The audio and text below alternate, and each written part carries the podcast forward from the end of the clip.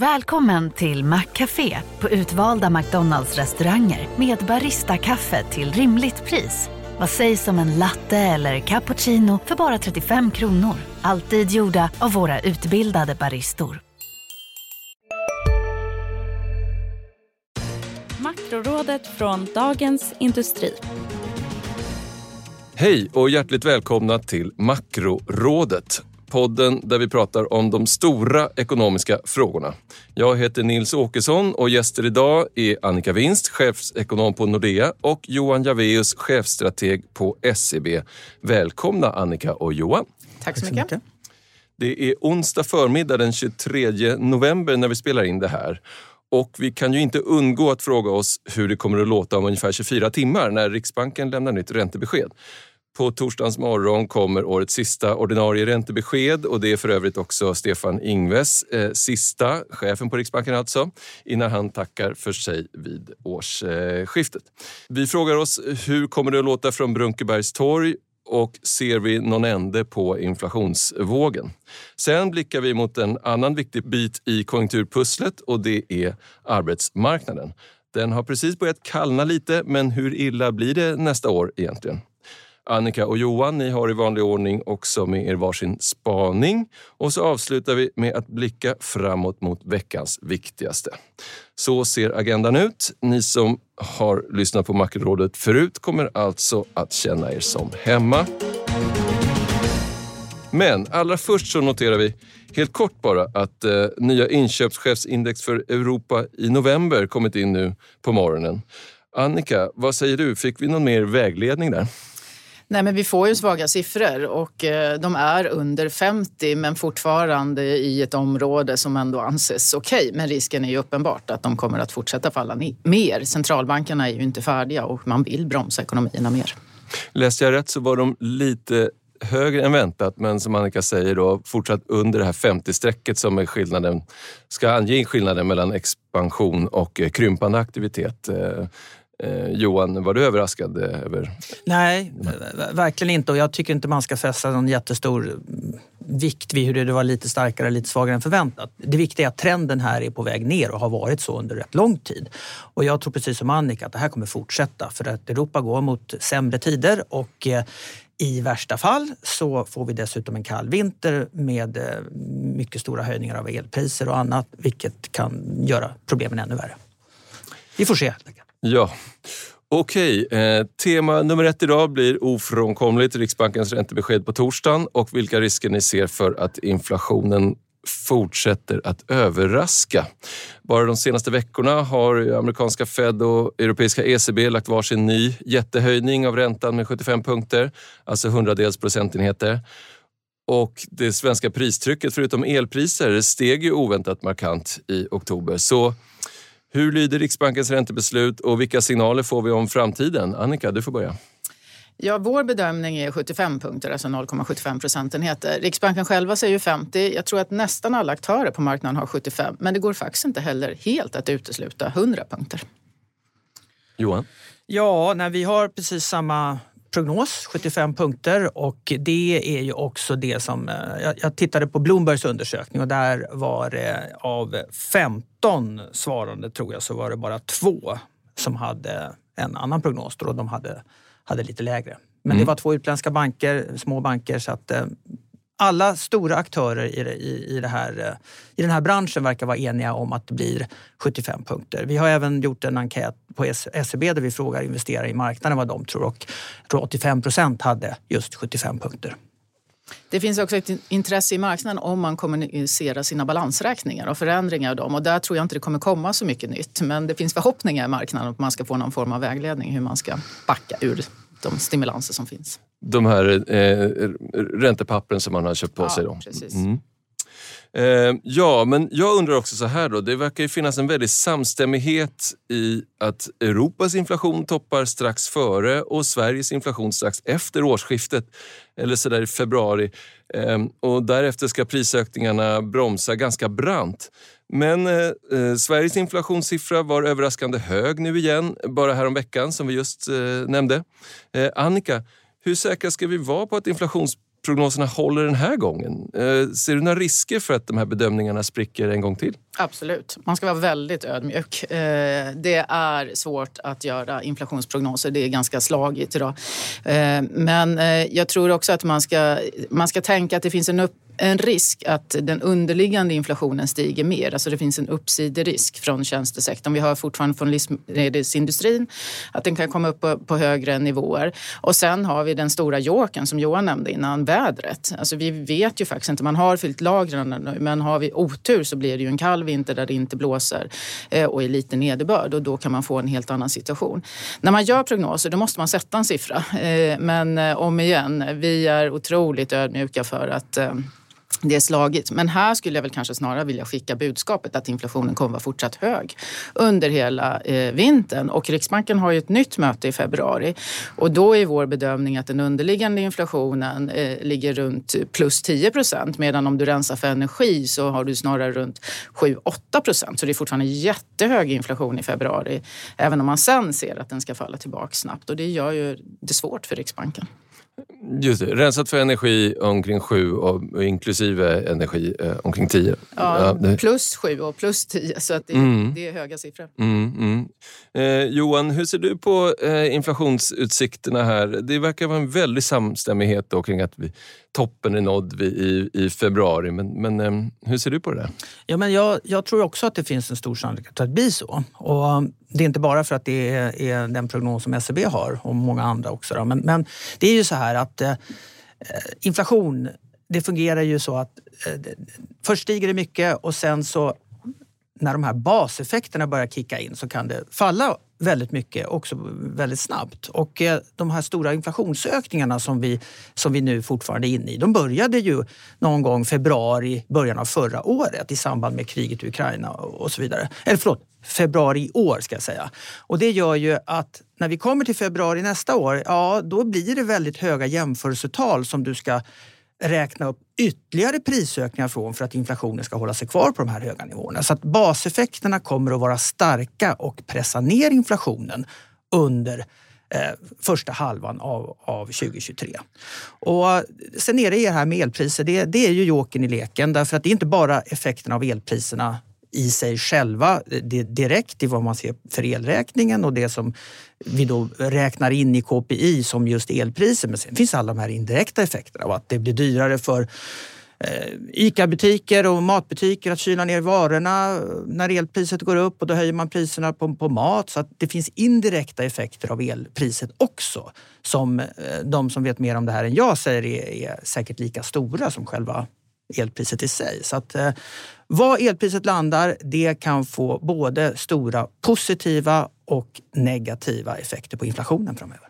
Om jag eh, hakar i där och bara tillbaka till Annika. Eh, ser du eh, en risk där att eh, eh, alltså man kan underskatta spridningseffekterna från energipriser så att den här underliggande inflationen kan knuffas upp ytterligare? Ja, det var lite det jag menade med tjänsteinflationen. Mm. Och precis som Johan säger, vi är ju många som är beroende av energin i många olika sammanhang. Och nu nämnde inte du transportsektorn, men även där kommer det ju in. Det är ju många som beställer hem mat och det är elbilar idag. Så att jag menar, det sipprar in precis överallt. Och eh, jag tror också, precis som Johan, att det är en ganska stor eh, andel som, är, som kommer från energierna eh, in i alla andra sektorer också. Så det slår väldigt brett helt enkelt. Däremot Eh, har jag pratat mycket om den senaste tiden. Att det här fönstret att skicka vidare kostnadsökningar och kanske till och med lite mer än vad man har egna kostnadsökningar. Det stängs ju nu ganska snabbt. Jag för mig att jag nämnde det här i förra, förra podden. Men där blir det ju mer eh, svårare och svårare i takt med att efterfrågan stryps. Eh, och då dämpar ju det istället då pristrycket. Mm. Jag tycker man kan lägga till också när det gäller just det här med vädret, huruvida får, får en mild eller en kall vinter. Eh, jag tror att vi kommer att få svaret på vad det här kommer att ha för effekt på energipriserna in, långt innan vintern faktiskt är över. Därför att idag har vi rätt så välfyllda lager av energi i Europa. Och det är klart att om vi nu får en mild december också, då är det klart, då ska bara de där lagren bara räcka kanske två månader. Och då är det inte lika problematiskt om, det, om de månaderna blir kalla som om det skulle hända redan nu. Och då är det vattenmagasin och gaslager i Europa som du pratar om? Ja, precis. Så att äh, återigen, jag, jag, tror att det, det, är den närmaste månaden eller, eller månad, en, en, en och en halv månad som jag tror kommer vara viktig just när det gäller att avgöra hur stor effekt klimatet, eller vädret ska jag säga, kommer ha på energiprisbilden i Europa de kommande månaderna. Okej, tack för det. Eh, då tänkte jag att vi skulle rikta blicken mot eh, jobben. Ett slående tema i år har ju varit den starka arbetsmarknaden. Eh, vi har haft en explosiv sysselsättning och bristen på arbetskraft med rätt kompetens är stor, kanske större än eh, någonsin. Nu verkar medvinden avta och arbetslösheten vände uppåt i oktober enligt SCBs senaste siffra. Eh, och det pratas enormt mycket om att lågkonjunkturen är på gång. Eh, men arbetslösheten väntas ändå stiga minimalt jämfört med tidigare konjunkturnedgångar om man tittar i eh, ja, de allra flesta makroprognoser, inklusive era, de från era banker. Eh, både Riksbanken och regeringen är också inne på det här. Så min fråga till er är varför väntas jobbsmällen bli så begränsad? Blir det här den mildaste lågkonjunkturen någonsin och eh, vilka risker finns det för att det faktiskt blir värre? Då kan du få börja Johan. Ja, det är ju den stora frågan för att alla är ju tror jag överens om att vi går mot en lågkonjunktur och recession i USA och antagligen i Europa också. Men frågan är då vad det blir för sorts recession. Blir det en sån här som man knappt märker, eh, som ligger i arbetsmarknadsprognoser just nu eller blir det någonting som är mycket värre och kanske liknar med de, de djupa recessioner som vi hade till exempel vid finanskrisen? Eh, det, de historiska erfarenheterna när det gäller det här, det är ju att de riktigt jobbiga djupa och utdragna recessionerna, det är de som har både en recession och nedgång i realekonomin och dessutom i kombination med stora problem i den finansiella industrin. Problem för banker helt enkelt, som vi hade då i samband med globala finanskrisen. Just nu så finns det inte mycket som tyder på att vi ska få den typen av stress i det finansiella systemet och det är någonting som talar för att den här recessionen då kan bli Eh, en av de mildare, kanske inte den mildaste någonsin, men ändå inte alls så allvarlig som vi såg för drygt tio år sedan. Ja, eh, Annika, vill du haka på det?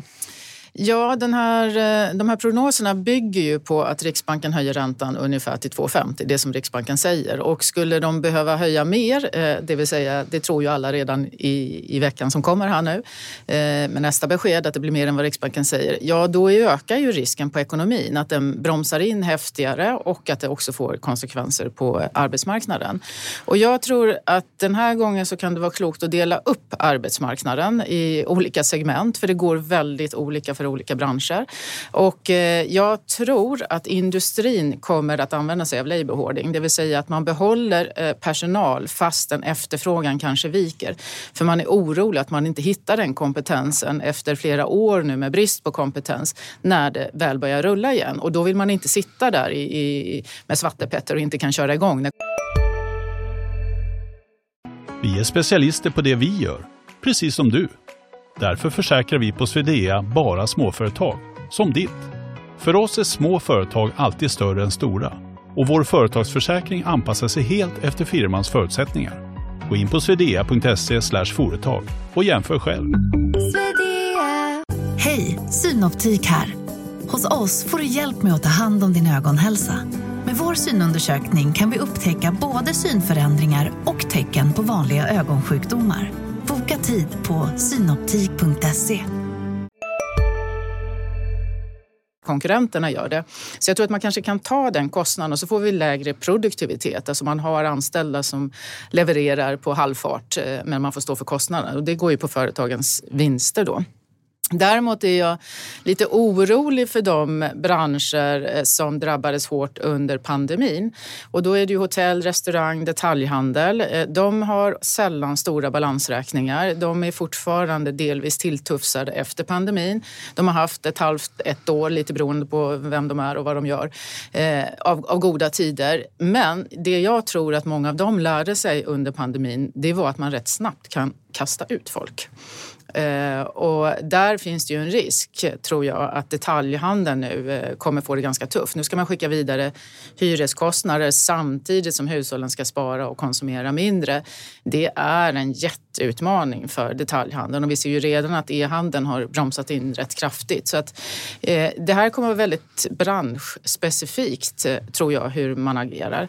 Skulle det visa sig att man höjer mycket mer och vi går in i väldigt mycket sämre konjunkturläge, då tror jag att vi kommer få stöd från politiskt håll. Och då är det nog rimligt att man får se stöd på arbetsmarknaden. Dels till offentlig sektor som är olyckligt om man säger upp folk i en, i en riktigt svag konjunktur.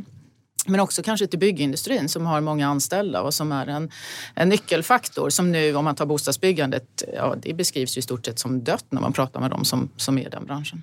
Mm. Så även med en bistrare konjunkturbild så ser du eh, eh krockkuddar i form av att, eh, ja, och starka offentliga finanser inte minst. Då. Eh. Jag tror att man kommer stiga in och det är klokt att stiga in i en sån miljö. Sen kan man inte ta allt. Och sen, om, man, om jag får lägga till, det är ju inte helt fel att arbetsmarknaden bromsar in. Den har ju varit alldeles överhettad och det centralbankerna har gjort dem, i många år nu det är ju att vi har curlat oss hela tiden. Så så fort det har blivit lite besvärligt har man stigit in. Och då får man inte de här strukturomvandlingarna som är hälsosamma eh, samhällsekonomiskt.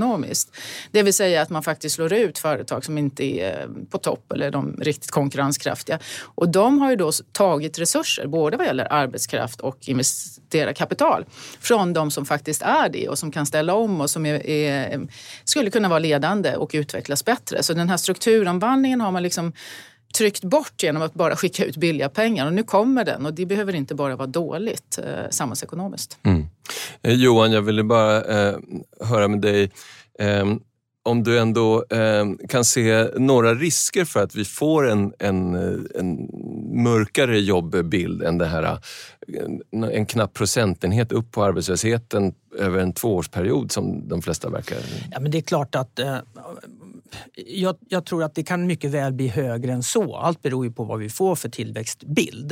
Eh, utan min, min fundering var nog bara att kommer vi få någonting som är väl, väldigt, väldigt jobbigt eh, eller någonting som är mer, mer åt det milda hållet.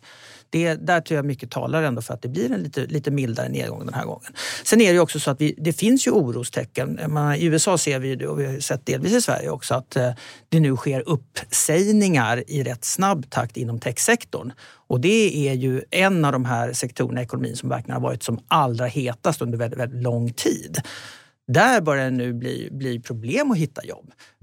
Lyckligtvis så kan man väl säga att den personal som sägs upp där, det är generellt sett väldigt högkvalificerade personer som inte har stora problem att hitta andra yrken. Men, men ändå, det, det, det är någonting som jag tror också kommer, vi kommer få se mer av här i Sverige framöver. Mm. Men de ökar ju konkurrensen för andra som inte har riktigt lika höga kvalifikationer. Nej, så, så det, det blir ju ändå en tryck på arbetsmarknaden.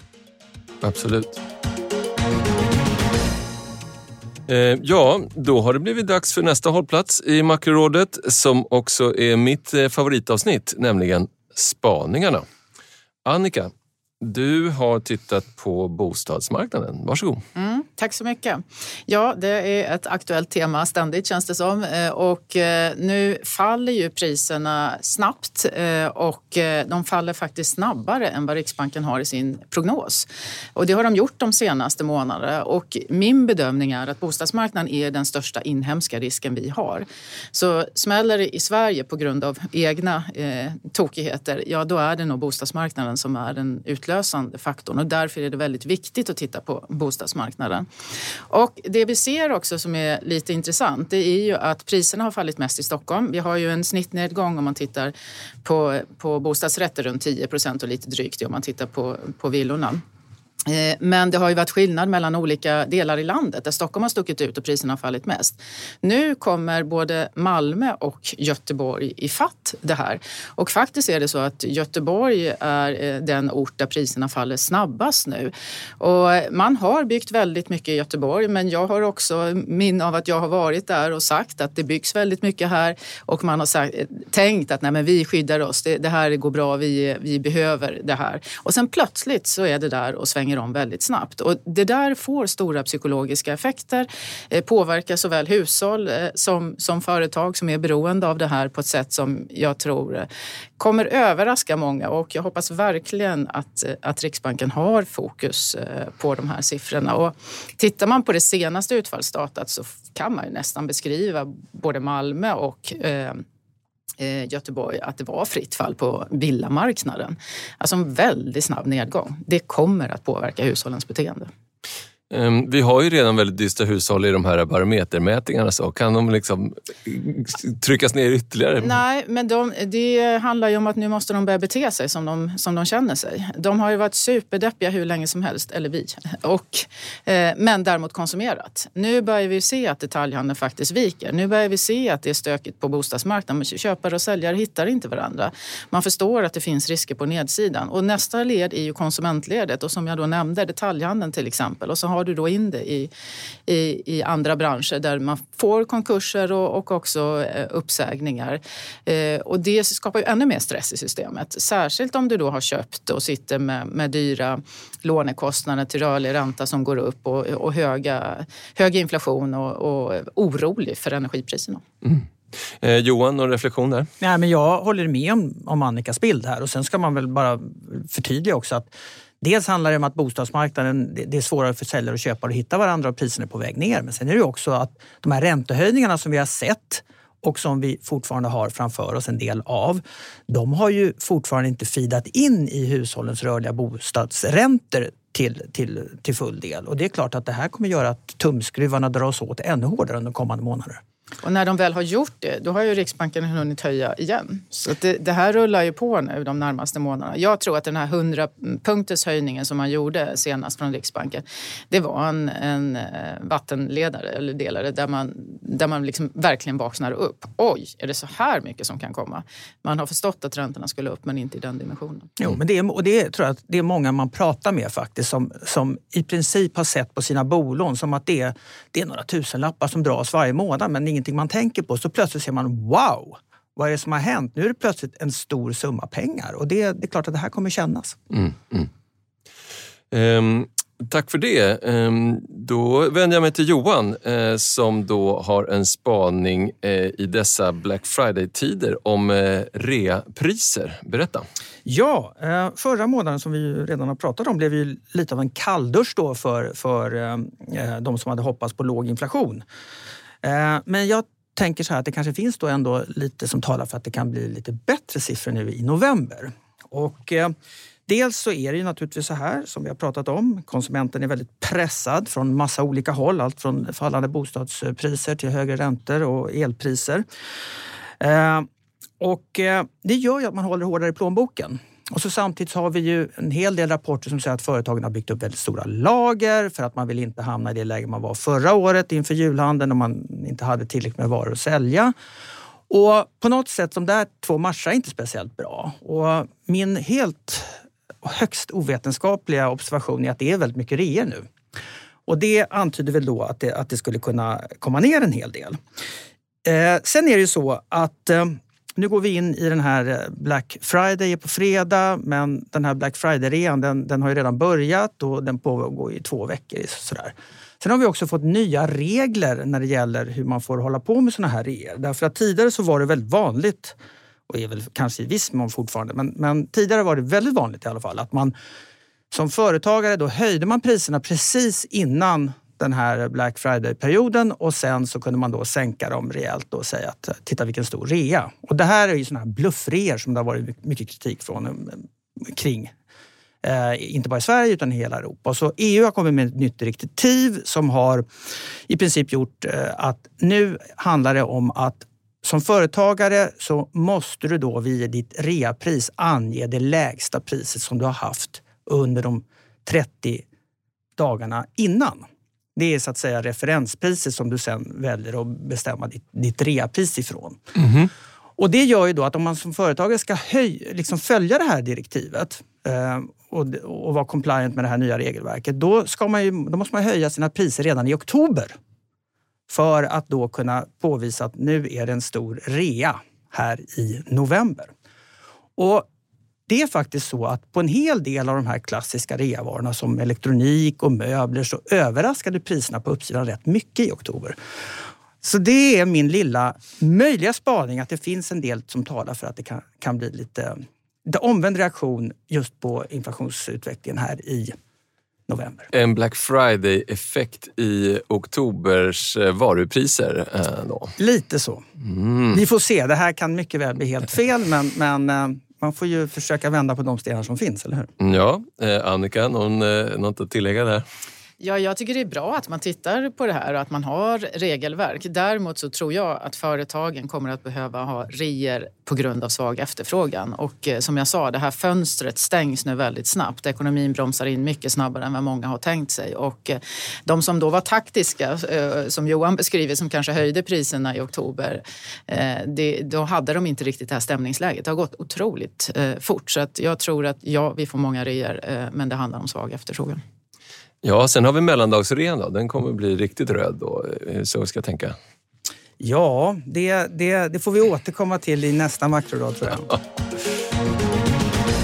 Ja, då tackar vi eh, för det. Eh, vi har nått fram till veckans viktigaste. Det man absolut ska hålla koll på den närmaste tiden. Eh, det här är sista programpunkten för idag och den är din, Annika. Mm, tack så mycket. Och jag tänker spana lite långt fram. Jag spanar ända till nästa fredag, alltså i slutet av nästa vecka, för då får vi arbetsmarknadsdata från USA. USA är världsledande. Fed äh, sätter priset på pengar. Det är otroligt viktigt hur den ekonomin utvecklas och inte minst äh, arbetsmarknaden, så håll koll på den. Eh, bra, eh, missa inte det alltså. Eh, och missa inte nästa makroråd som är tillbaka om två veckor. Under tiden kan ni lyssna på Dagens Industris andra poddar, inte minst Analyspodden varje fredag, Smarta pengar om din privatekonomi, Digitalpodden om allting digitalt och den dagliga podden Morgonkoll. Annika Winst och Johan Javeus, stort tack för era insatser. Eh, tack också till alla er som har lyssnat. Där sätter vi punkt. Hej då! Makrorådet från Dagens Industri. Podden klipps av Umami Produktion. Ansvarig utgivare Peter Fällman.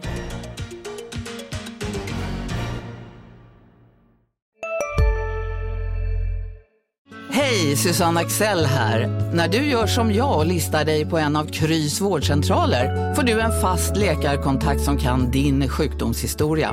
Du får träffa erfarna specialister, tillgång till lättakuten och så kan du chatta med vårdpersonalen. Så gör ditt viktigaste val idag, lista dig hos Kry. En nyhet. Nu kan du teckna livförsäkring hos Trygg-Hansa.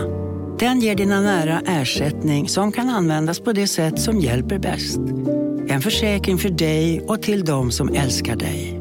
Läs mer och teckna på trygghansa.se. Trygg Hansa. Trygghet för livet.